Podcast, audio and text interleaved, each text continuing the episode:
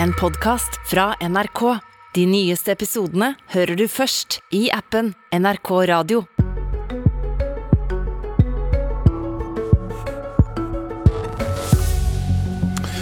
Vil det som peker mot å bli tidenes største jordbruksoppgjør, kanskje, likevel gi tidenes største misnøye blant bøndene? Nestor i partiet som har lovet å løfte norske bønders inntekter med over 200 000 kroner før neste valg, sier han har en løsning. Om drøyt tre timer leveres kravene fra bondeorganisasjonene til Senterparti-statsråd Sandra Borch. Kravene er ventet å bli rekordhøye. Både økte kostnader skal kompenseres, og inntekten, ikke minst, skal økes kraftig. Samtidig så har man hørt Arbeiderpartistemmer uttale at handlingsrommet er nok litt lite i år. Per Olav Lundteigen, stortingsrepresentant Senterpartiet. Dette kan vel ikke gå opp? Jo da, det er klart at det går opp. Vi er jo i en ganske kritisk situasjon. Det norske problemet er jo at eh, når vi har krigen i, i Ukraina, så har vi bare 40% av maten som eh, husdyra og eh, vi som folk trenger, som kommer fra norske jordbruksarealer. Vi er altså ekstremt sårbar. Vi er nødt til å redusere importavhengigheten. Og så er det jo helt klart at vi har jo ikke jordbrukspolitikk pga. bøndene. Vi har jordbrukspolitikk pga. forbrukerne, matvaresikkerheten. Men bøndene må jo ha lønnsomhet i å produsere, og det er utfordringa nå. Der må det gjøres et krafttak. Så det er av omsorg til resten av befolkningen at du ønsker et kraftig lønnsvekst til bøndene? Ja, det er noen som prøver å framstille det sånn. Altså, men det er jo ikke sånn at vi har en helsepolitikk pga. sykepleierne. Vi har ikke en samferdselspolitikk pga. lastebilsjåførene. Vi har ikke en jordbrukspolitikk pga. bøndene. Men bøndene er et nødvendig virkemiddel, og de må trives, og de må bli bli inspirerte til å produsere mer på norske jordbruksarealer. Og Da lurer vi på hvor ligger terskelen for å bli inspirert? Vi har jo sett Hurdalsplattformen som har lovet å tette et inntektsgap som er over 200 000 kroner i dag, hvis man måler inntektene til bøndene og sammenligner det med andre lønnsmottakere. Sier du at i denne krisa vi står i nå, så skal dette tettes likevel? Ja, Det er jo helt opplagt at uh, vi må få en jamstilling mellom uh, jordbruksarbeid og, og annet arbeid. Det må jo tas uh, i løpet av denne fireårsperioden. Nå er vi i en ekstraordinær situasjon med noen ekstraordinære kostnader. og Det gjør jo da at tallene blir veldig, veldig store. Hvor store da, hvis du tenker per bonde per års, årsverk? Ja, Det kommer jo litt an på hvordan en nå skal forhandle. Eh, under den tidligere regjeringa ble det forhandla jordbruksoppgjør for det kommende kalenderåret, altså for 2023, mens det i LO-NHO-oppgjøret bestandig forhandles for det inneværende kalenderåret, altså 2022. Så hvis en fortsetter med den forrige regjeringa sin modell, eh, så må en jo forhandle både for å rydde opp i 2022 og i 2023, altså to år. Og da blir jo det veldig kostbart. Eh, dette er ikke avklart i Senterpartiets stortingsgruppe om vi skal forhandle for ett år eller for, for to år. Eh, det naturlige ville jo være å ha det likt med LO og NHO, altså at eh, inntektene som nå forhandles til jordbruket, blir utbetalt i 2022, på samme måten som inntektene i lønna til lønnsmottakerne blir utbetalt i 2022, altså at vi har ett år. Det du sier i praksis, er at eh, du vil ha et oppgjør som blir et om igjen-oppgjør av det Solberg-regjeringen kom med i fjor, og konsentrerer seg om 2022. Ja, altså Solberg-regjeringa forutsatte i fjor at den skulle ha en, en, inntektsøkning i jordbruket på 18 700 kroner per årsverk. Og så blei resultatet, som vi nå ser fra budsjettnemnda på jordbruket, på minus 40 400. Altså det var en bom på nærmere 60 000. Årsaken til det er jo bl.a. de galopperende prisene. Og det alvorligste oppi dette her er jo at prisene galopperer videre.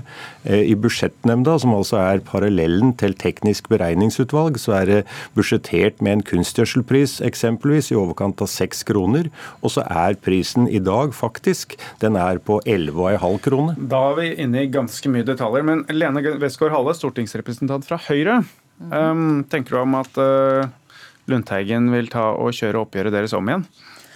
Eh, nei, Det overrasker meg for så vidt ikke. Men jeg deler hans bekymring knytta til at vi står i en veldig alvorlig situasjon for landbruket akkurat nå. Krigen i Ukraina var det jo eh, noen som forutså, men jordbruksoppgjøret tok jo selvfølgelig ikke høyde for det. Kostnadene er helt ekstreme for eh, landbruket i dag. Og jeg tror faktisk ikke det er så mange som hadde akseptert å jobbe så mye for så lite som det bøndene i Norge gjør. Men så er det jo en del lyspunkter også, for vi står i en helt eksepsjonelt vanskelig situasjon nå. Eh, jeg er veldig spent på om Senterpartiet kommer til å klare å levere på løftene sine. Arbeiderpartiet signaliserer jo at de ikke kommer til det. Eh, men lyspunktene er jo at etter åtte år med noen andre i regjering, så legges det ned færre bruk. Vi produserer mer mat, og vi kutter mer klimautslipp. Så jeg tror hvis vi klarer å løse den akutte krisen vi står i nå, så er jeg optimistisk på vegne av fremtiden. Sier du at Høyre egentlig er mer positivt mener du, til å telle ut mer penger enn det du mener Arbeiderpartiet signaliserer? Nei, Jeg mener vi har en bedre landbrukspolitikk, og det viser jo resultatene etter vi har sittet i regjering. Fordi vi legger ned færre landbruk altså, eller jordbruk. Så du vil ikke gi mer? Eh, enn... det, altså, Dere sier det er en krisesituasjon nå. Man må mm. telle ut mye penger. Mm.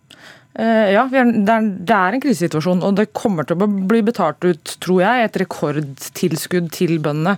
Eh, og jeg mener jo at dette er en helt eksepsjonell situasjon, så det, eh, det, mener jeg er riktig. Om det blir på det nivået Senterpartiet har ønska seg, det, det, ser det jo ikke ut som Arbeiderpartiet er helt enig i, så det, det blir jo spennende. Men, men, jeg tror vi samtidig er nødt til å ha flere tanker i hodet samtidig, fordi landbruket handler om mye mer enn statlige overføringer. Det handler om inntektene fra f.eks. markedet, det handler om klimagassutslipp klimagassutslipp, det handler om eh, selvforsyning. Så, så, det er veldig mye mer sammensatt enn akkurat den situasjonen vi står i nå, men den må løses. Det oppgjøret det, det virker nok sammensatt for de som lytter her også. men jeg må spørre Lundteigen, for å få et konkret tall. Du sier det den inntektsveksten. Sier du at på toppen av alle andre kostnader som skal dekkes og de andre lønnstagere har fått for dette året, så sier du at eh, bøndene må få 50 000 minst på toppen av det for å tette gapet? Ja, Gapet kan regnes på forskjellige måter, men hvis den bruker eh, budsjettnemnda sine egne tall, så er, er, gapet mellom 250 og 300 000 i forhold til andre grupper. Det er jo dette som gjør det så kritisk. Og det skal man ta en proporsjonal andel av i år? Det er ikke helt opplagt, det. Ok, Så da står vi over med 50 000 pluss mer enn andre grupper. Og dette tror du at Senterpartiet får gjennomslag for i regjeringen? Ja, Det er jo helt nødvendig. Vi ser jo folk sender jo dyra til slakt.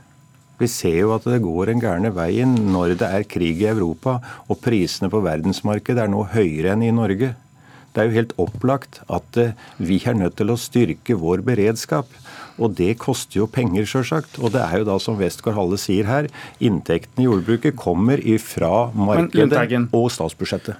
Når du snakker om beredskapen, ja. så hvis vi tar litt sånn historikk på beredskapen. Mm. Hvordan har selvforsyningsgraden utvikla seg?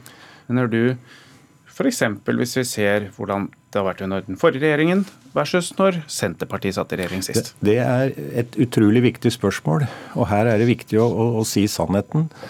Sjølforsyningsgraden i Norge har hele tida gått nedover. Hele tida gått nedover, enten det har vært den ene eller den andre regjeringa. Men, men i 2005, altså da dere var på gikk inn i regjeringslokalene, var den 46. Da dere gikk ut, var den 37. Den hadde gått ned. Nå var den 40. Gått opp. Ja, det er det jeg sier. Gått motsatt, da. Gått ned med dere og opp med andre gjenger. Ja, vi kan si her er det, her er det svingninger fra år til år. Men, ja, det svingninger, altså dere men kjernen er det at beredskapen i Norge blir dårligere og dårligere for hvert år. Fordi at vi importerer stadig mer mat, enten til oss som mennesker eller til dyr. Men Hvilken troverdighet har deres tiltak, deres politikk, når det har vist seg at når dere sitter i posisjon, så har den ikke gått opp, den har gått ned? Det viser jo nettopp det at vi har nå en ny politikk i den nye regjeringserklæringa. For der står det helt eksplisitt, det står klart uttrykt, at nå skal vi øke eh, sjølforsyningsgraden av jordbruksmat til folk og dyr produsert på norske arealer fra 40% til 50% Det betyr at Sandra Borch, som er fra Lavangen, hun vil oppleve at hvis hun realiserer plattforma, så blir jordbruksarealene i Lavangen slått med slåmaskin, og ikke med beitepusser, sånn som i dag. Altså, Nord-Norge har enorme muligheter i å produsere mer mat. Enorme muligheter. Um, Westgård Hale, 50 selvforsyning. Mm. Deler Høyre det målet?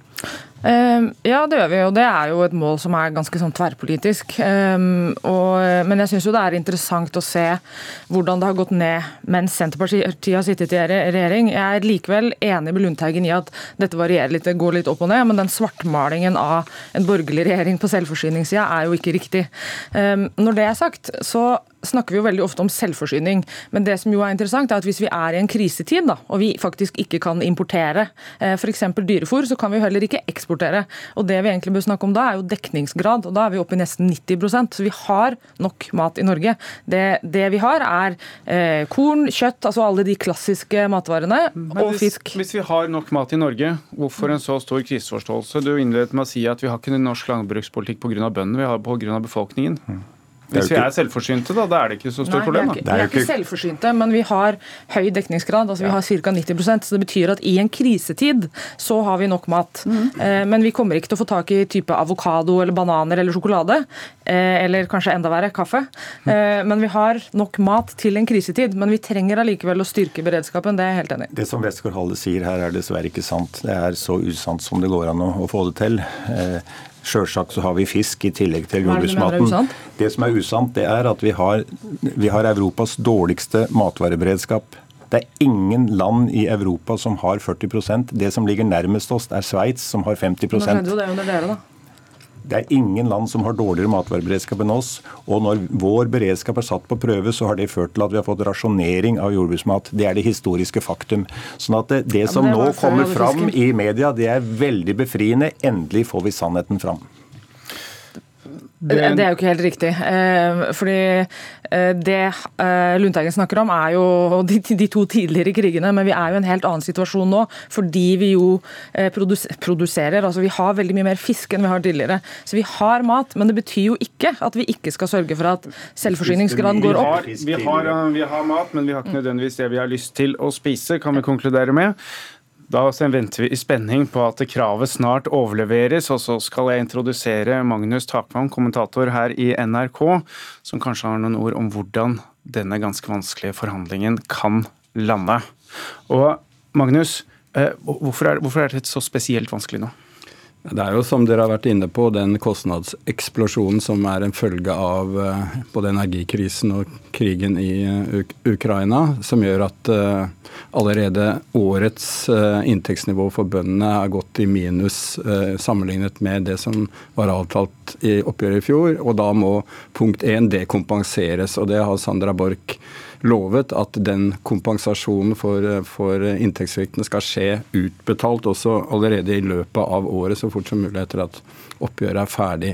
Og Så er det da å, å forhandle om økonomien neste år. Eh, i 2023 med det samme kostnadsnivået antagelig, pluss eh, hvor langt man da måtte komme i å tette dette inntektsgapet som eh, står og som er løftet i Hurdalsplattformen. Så disse tre elementene tilsier at det blir eh, en svær ramme uansett, og så spørs det om den blir stor nok til å svare på de forventningene som mange har til en Senterpartiledet eh, dominert regjering i landbrukspolitikk.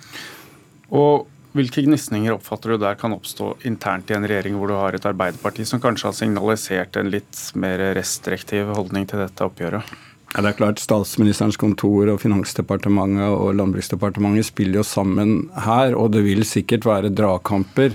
Men å, å, levere på kostnadssvikten og korrigere den, den tror jeg liksom, det er bunnplanken. Så vil det nok nok bli en dragkamp om hvor, stor, uh, hvor mye man greier å tette av det inntektsgapet som, som man snakker om uh, i, i, rammen allerede i år. Men forventningene er høye. Det som også er klart er et dilemma, er hvordan skal man øke inntektene. Og der er bl.a. dette med å uh, balansere om man skal ta det i markedet gjennom økte eller, priser eller bevilgninger over budsjettet, en vanskelig balansegang.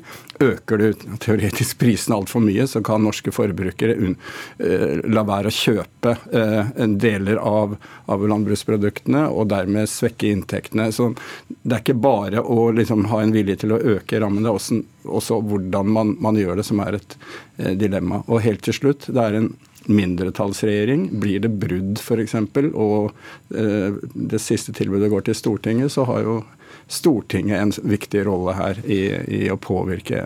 Så, så, det er nok av x-er, X-faktorer her. Og svaret skal helst ligge på bordet 17. mai. Takk, Magnus. Takk også til Per Olav Lundteigen og Lene Westgård Halle. Dette var Politisk kvarter. Mitt navn er Trond Lydersen.